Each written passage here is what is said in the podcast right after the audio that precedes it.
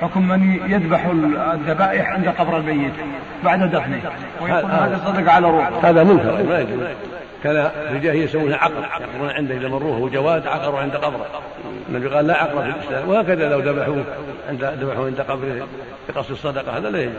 بعد الدفن مباشره لا ما يجوز هذا بدعه منكر